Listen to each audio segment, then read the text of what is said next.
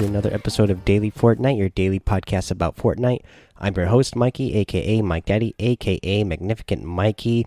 Uh, the first thing I want to get to here is a voice message that we got from Sawyer and some of his thoughts on the latest update, version 7.20. My tip is to use the new scoped revolver because I think they might nerf it soon to do less damage because it's really overpowered right now, and I really recommend using that. I also recommend using the glider redeploy because it can just get you from one place to another, and that can really help out. And I'd also like to point out above Polar Peak, there's a big ice ball. So thank you if you put this message in. Hi guys, I hope you have a good day and good job on the podcast, Mike. Sawyer, thank you again for that message, and I hope you are having a good day as well. Uh, let's see here. So, for the uh, scoped A, uh, not the scoped AR, the scoped revolver. Uh, actually, for me, I don't really feel like that is uh, overpowered. I feel like it's just right.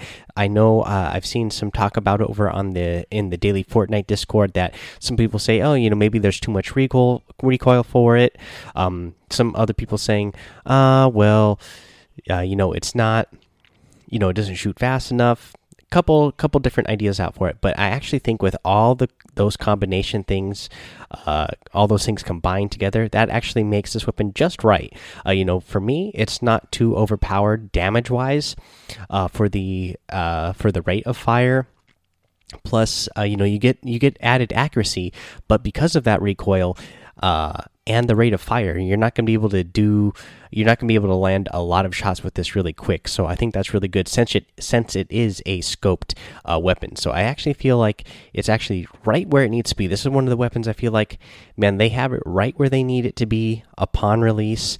Uh, maybe it could use a little tweak. We'll see how it goes. Uh, you know, as it continues to be in the game. Uh, but for me, I actually feel like it's it's it's just right already.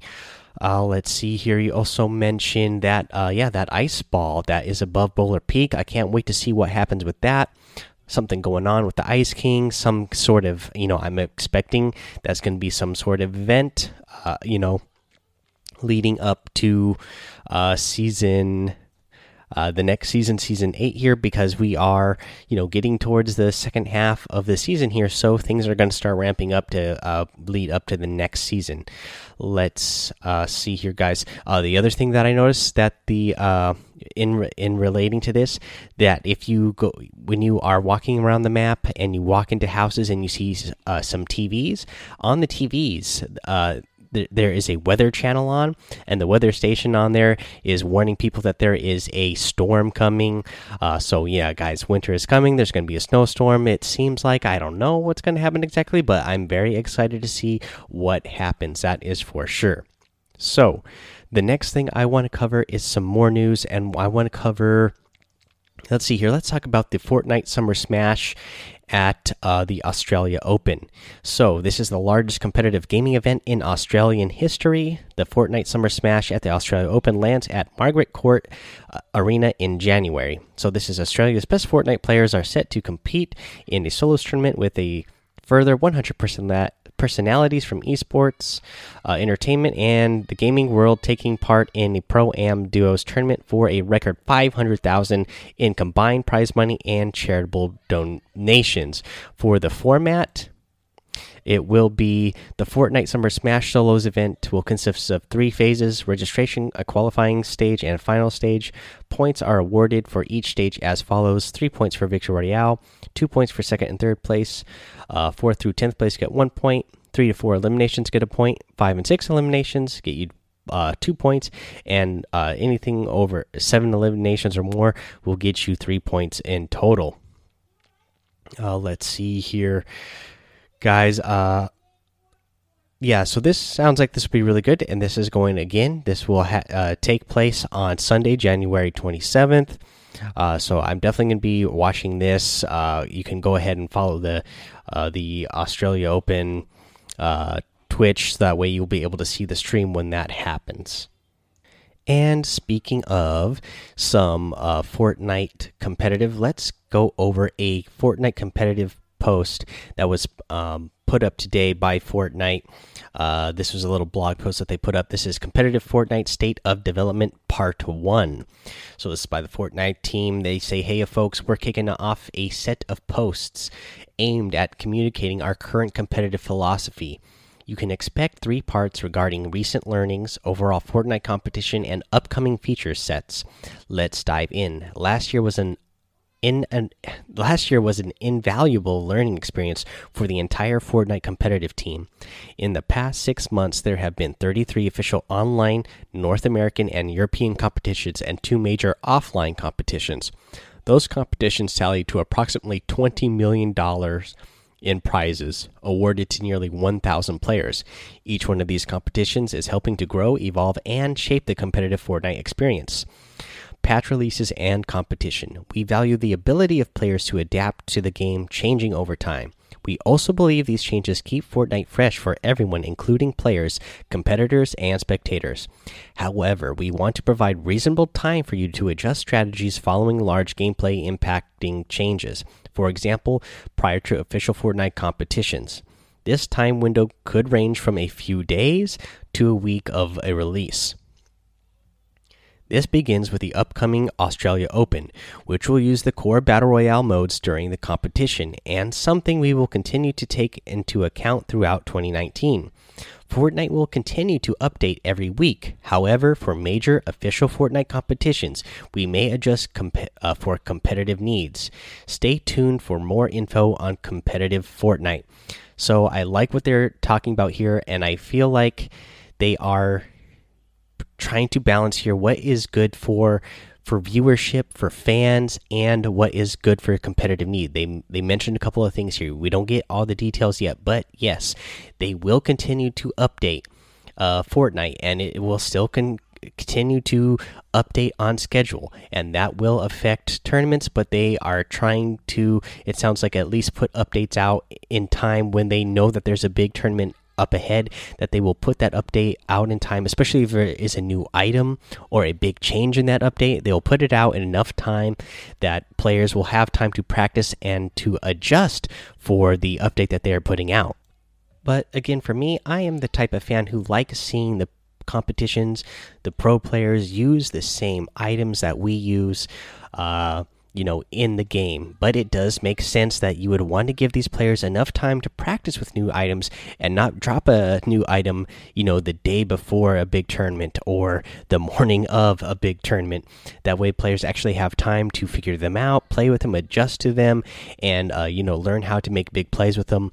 Uh, so, Again, we don't get all the details here, but from what the message is here, it tells me that there's going to be a balance of yes, this will still be the game, same gameplay that uh, players, you know, that the that all players can play. That way, fans and viewers can watch what they expect to see in Fortnite when they play, and uh, you know, pros will still be able to adjust. And if there's some sort of big change here, it kind of tells me that they can say, "Hey, if there's a big a a big change that happens in Fortnite that is going to affect this competition, we can uh, take that out for a tournament. That way, this it doesn't affect the tournament. That's the messaging I get here.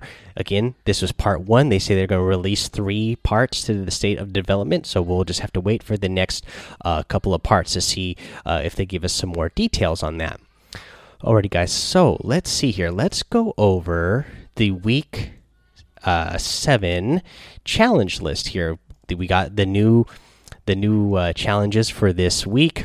This is the season seven, week seven challenges, and let's just go over the list and what we have. For, So, for these challenges, you need to uh, let's see here. Visit all expedition outposts.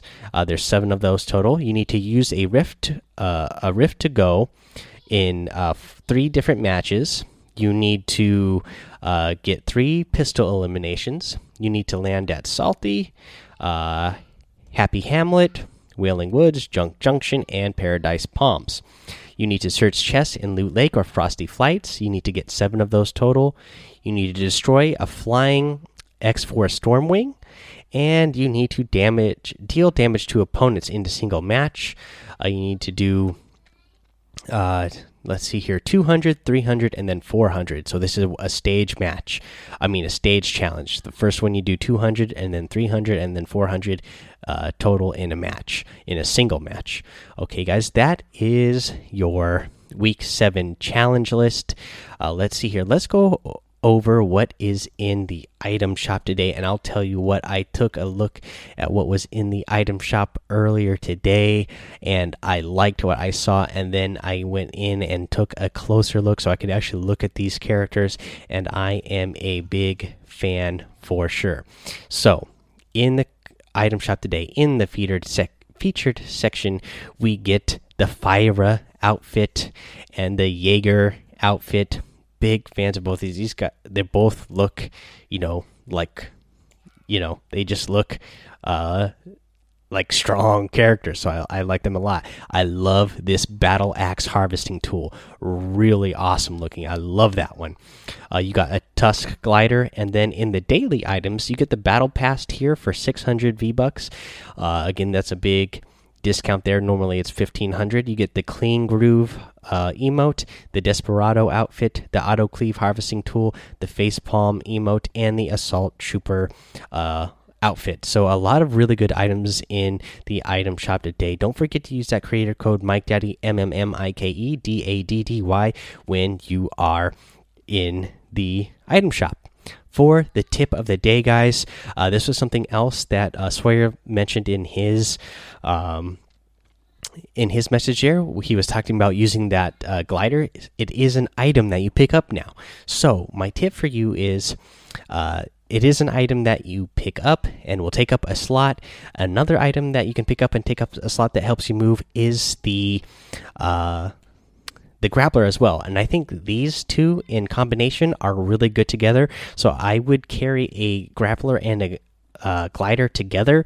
Uh, if you have the chance and it can make it can help you get some really good rotations when you have this again you know you would just shoot up it, uh, with your grappler and again when you're carrying the the glider redeploy item you don't even have to switch to it you just automatically press the jump button again like you normally would uh, to use glider redeploy uh, as it was before, and it will just automatically use it for you. So you just uh, shoot up and grapple really high, and then you can send yourself gliding to whichever way you need to go. And it, this can really make uh, help you make some really good rotations early game. Alrighty, guys, that is the episode for today. So go join that daily Fortnite Discord. Follow me over on Twitch and YouTube, Mike Daddy in both of those places. Head over to Apple Podcast, uh, leave a five star rating and a written review so you can get a shout out here on the show. Don't forget to subscribe so you don't miss an episode, guys. And until next time, have fun, be safe, and don't get lost in the storm.